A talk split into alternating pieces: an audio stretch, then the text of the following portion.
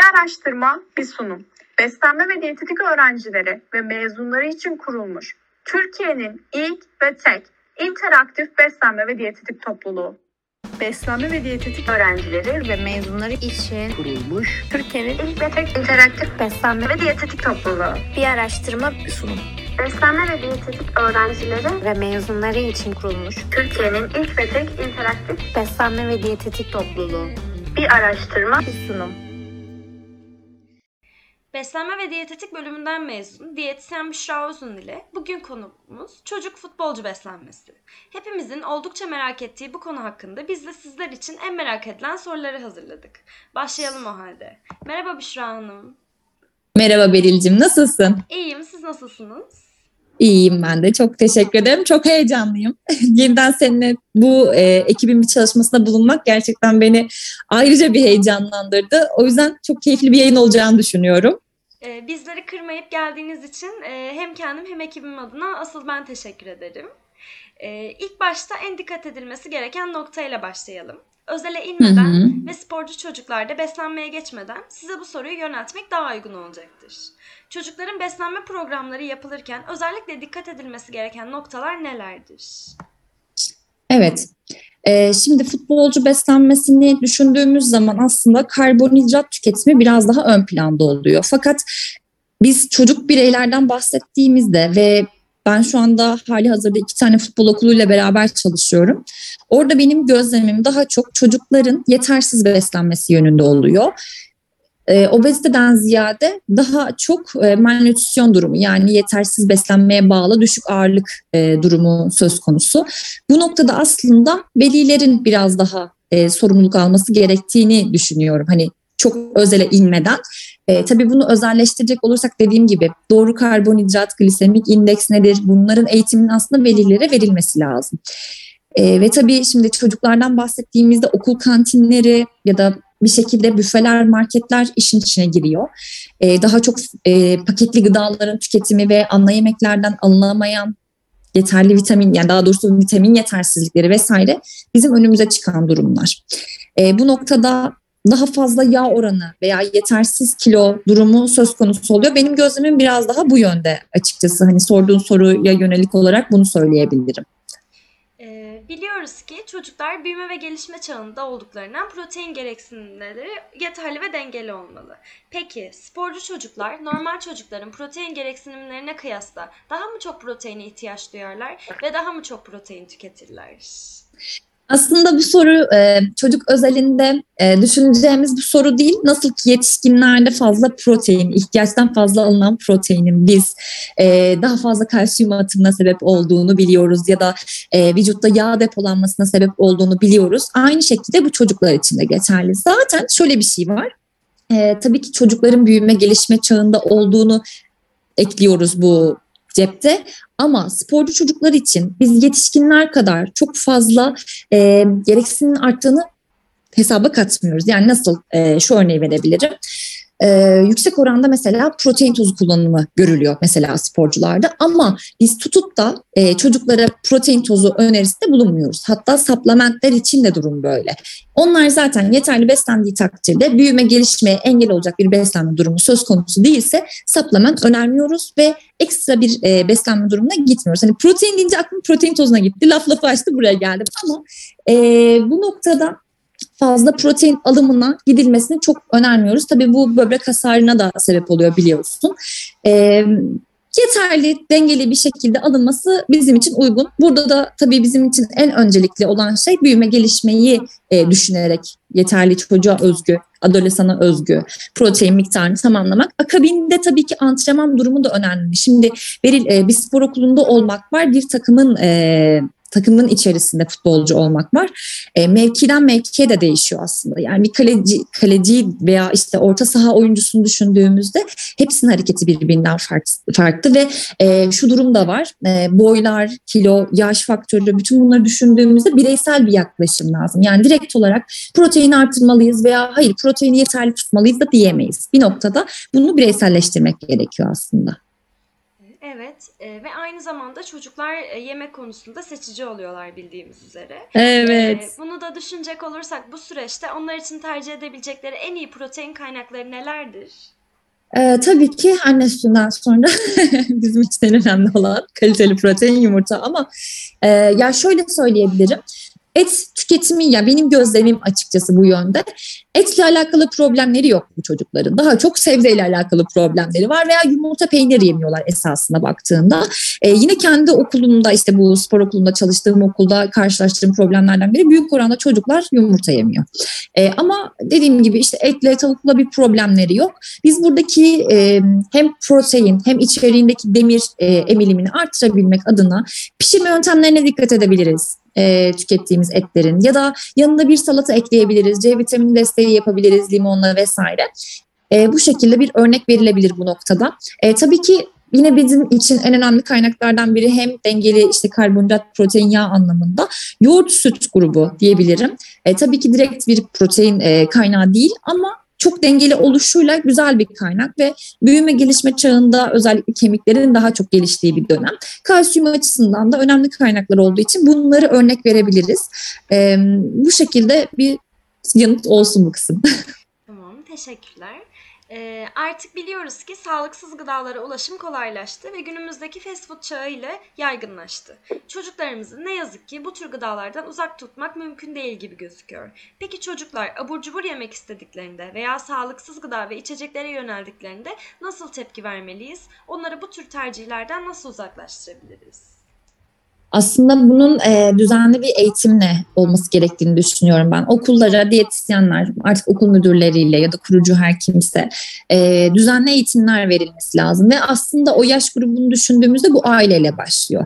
E, siz çocuğun cebine 10 lira 15 lira para verip e, yanına hiçbir yemek koymadığınızda tabii ki çocuk orada kantinde ne varsa onu yemek durumunda ve hoşuna giden besinleri tercih edecek. E, bu noktada aileler e, düzenli bir şekilde bilinçlendirilmesi gerekiyor. E, yine yani o bahsettiğim yaş grubu tabii ki grup grup değişiyor ama ya 6-8 yaş grup da var, 10-12 yaş grubu da var, işte 16-18 yaş grubu da var. Yemek hazırlayamayacak yaştaki gruplar için kesinlikle bu devrede veliler e, yanlarına bir sandviç, bir tost, e, eğer çatal kaşık kullanımı sıkıntılı değilse bazı okullarda bu arada taşınması yasak hani birbirlerine zarar vermemek adına. E, yasak değilse eğer hmm, hani bir tavuk soteyle pilav makarna tarzında bir yemek gönderimi e, mutlaka ailenin desteği lazım. Yani bir de e, genelde hani e, ülkemize ve dünyaya baktığımızda futboldan bahsediyor oluyorsak eğer erkek çocuklarından bahsediyoruz ve bu anlamda erkek çocuklarının e, mutfakla ilişkisi ne yazık ki e, kız çocukları kadar iyi değil. E, büyük oranda velilere bu noktada sorumluluk düşüyor. Ee, burada tabii ki kendi kendilerine kazanacakları bir alışkanlık değil yine bir diyetisyen desteği alınması veya en azından e, bu takımların, grupların, e, okulların neyse bir diyetisyenden destek alıyor olmaları gerekiyor. Şimdi içerik anlamında kahvaltı bizim için e, ya en önemli öğün deneyelim. Herkes kahvaltı yapmak zorunda değil elbette ama e, güne başladığımızda günün geri kalanında bizi verimli hale getirecek, e, dikkatimizi, odağımızı toplayacak öğünlerden bir tanesi kahvaltı ve büyüme gelişme çağında olan bu çocuklardan bahsettiğimizde aslında en e, etkili olabilecek öğünlerden bir tanesi. Çok dengeli bir öğün. Hani çeşitli şekilde beslenebiliyoruz. Yumurta gibi kaliteli bir protein alabileceğimiz bir öğün.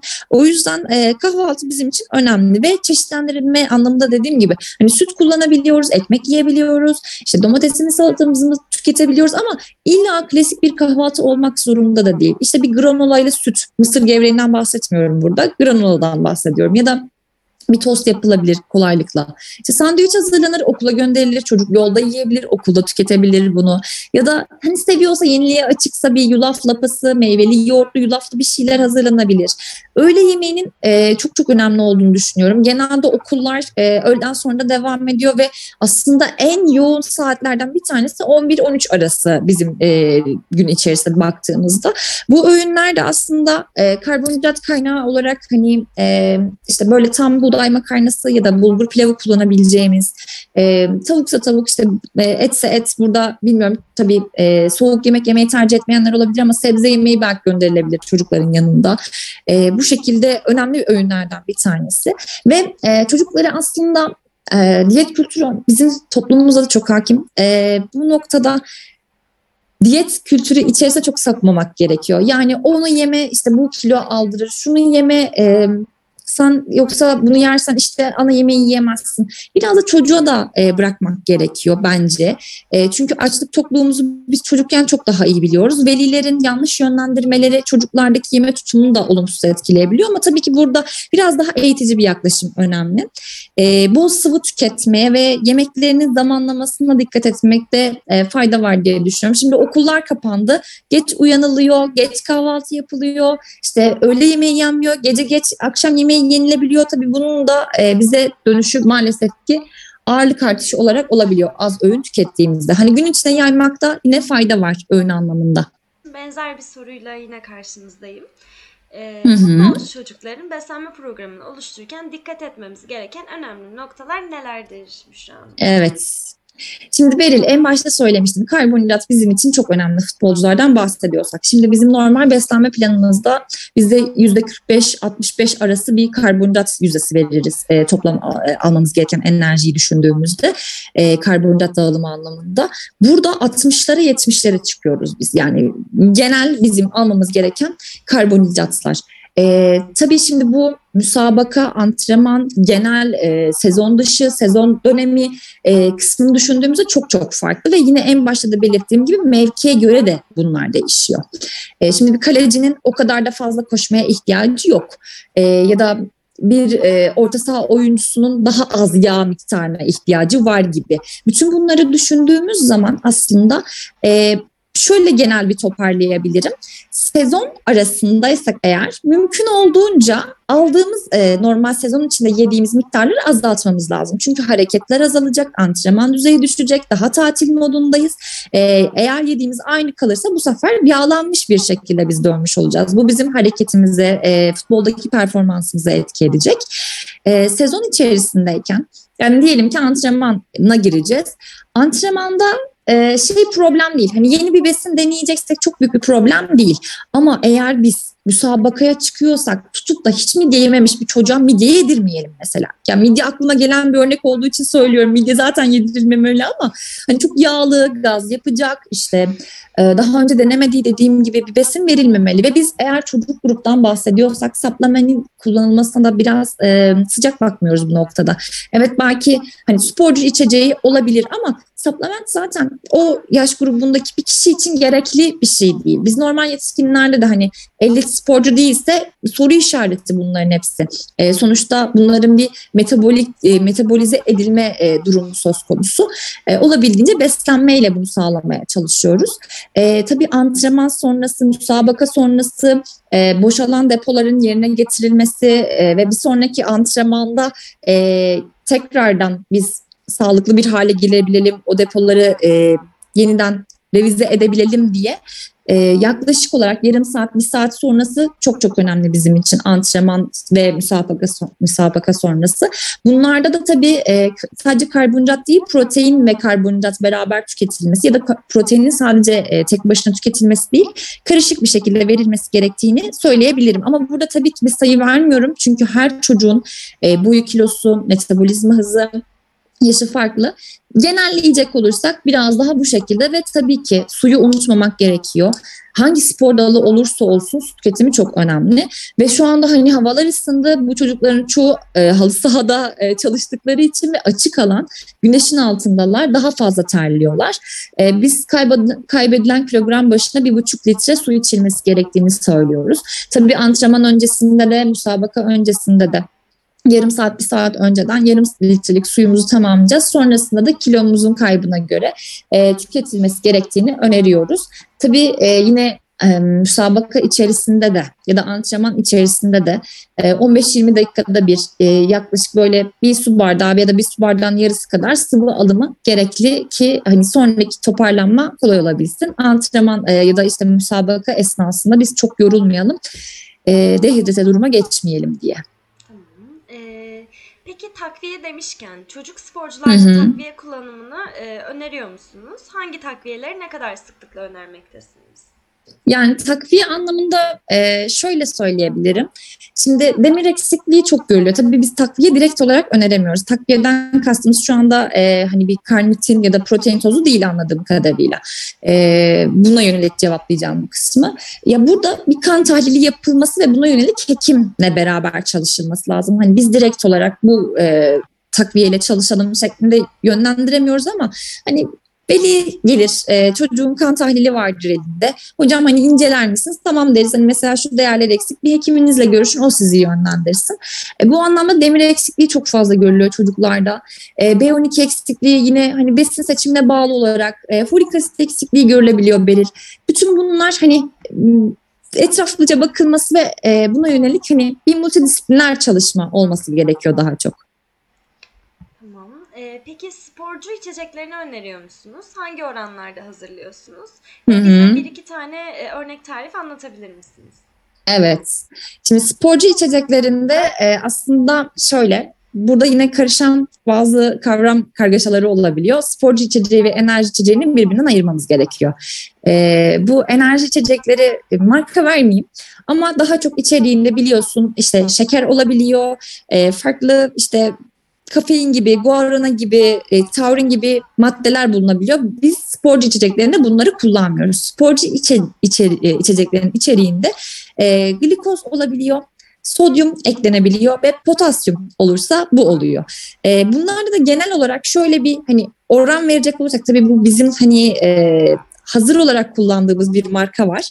E, güvendiğimiz. Ama hazırlanacak olursa içerik olarak yüzde e, 5 ile 8 arasında glikoz, e, litre başına milimol anlamında 10-35 arası e, sodyum, 5, e, 3-5 milimol litre başına da e, potasyum şeklinde gözüküyor. E, ama hani bu anlamda benim direkt olarak sana e, sporcu içeceği anlamında hani bu tuzlu, şekerli bir içecek anlamında şu anda verebileceğim bir örnek yok ama bazı e, likit karışımlar var. E, meyveli yoğurt şeklinde karışımlar olabiliyor. E, mesela yoğurdumuz var. İçerisine şeftali kullanabiliriz mevsim olduğu için onu söyleyebilirim. Yanında kreker tarzında bir şey alabiliriz. Üzerine mesela Hindistan cevizi tozu serpebiliriz. Yani buradaki önemli olan nokta ne biliyor musun? Hem karbonhidrat hem protein hem yağdan dengeli bir şey olması. Karbonhidrat e, miktarının biraz daha fazla olması e, ama likite yakın e, böyle çok taneli şeyler yensin istemeyiz biz Müla, şey müsabaka öncesinde ya da antrenmanlar öncesinde e, özellikle çocuklarda. Bu e, biraz daha sindirim sistemiyle alakalı bize problemler yaşatabilir. Çok e, şişkinlik problemi olabilir. Bağırsakları harekete geçirebilir. E, bu da bizim istediğimiz bir şey değil. Bunlara dikkat edebiliriz. Tamam. Ee, peki son sorumuza geçelim. Bu alanda kendini geliştirmek isteyen meslektaşlarınıza önerileriniz nelerdir? Hangi eğitimleri almalılar? Nasıl bir yol izlemeliler? Evet. Ee, özellikle futbol üzerine çalışılacaksa benim bildiğim kadarıyla e, TEV TFF, evet Türkiye Futbol Federasyonu'nun e, diyetisyen e, kursları oluyor. Yani e, şöyle kademe kademe e, futbol üzerine aslında özelleşmiş oluyorsun. Sen de biliyorsun bizim alanda özelleşme diye bir şey söz konusu değil. Evet yüksek lisans yapabiliyoruz ama hani kendimizi ne alanda geliştirmek istiyorsak ona yönleniyoruz. İşte e, sporcu anlamındaysa e, işte antrenman ve hareket bilimi galiba e, ya da s- egzersiz fizyolojisi gibi alanlara yönlenebiliyoruz. Hani sporcu beslenmesi bildiğim kadarıyla bir acı bademde var. Tek bir e, üniversitede bu anlamda yüksek lisans programı var. E, bu anlamda hani akademik olarak ilerlenebilir. Ya da e, ben akademik anlamda ilerlemedim. Şu anda e, kendim bir şekilde araştırıp e, işim gereği yer aldığım spor okulları e, da beni bu anlamda biraz dinamik tutuyor diyebilirim. Çünkü seminerler oluyor, veli bilgilendirmeleri oluyor. Her gün kendini güncellemek durumundasın. E, bu noktada hani e, makale taranabilir, kitaplardan faydalanabilir. Ama özellikle bence güncel kitapları e, karıştırmak lazım. Bu anlamda da ben mesela Nobel Kitap Evi, Akademi e, diye bir kitap evi vardı sanırım. Bunları takip ediyorum. Pek çok kitap var. Ee, çok eski yayınlar da var, yeni yayınlar da var. Ben Nobel'i mesela bu anlamda çok beğeniyorum. Ee, tavsiye de ederim. Hani özellikle sporcu anlamında kendini geliştirmek istiyorsa şu an bizi dinleyen herhangi bir kişi.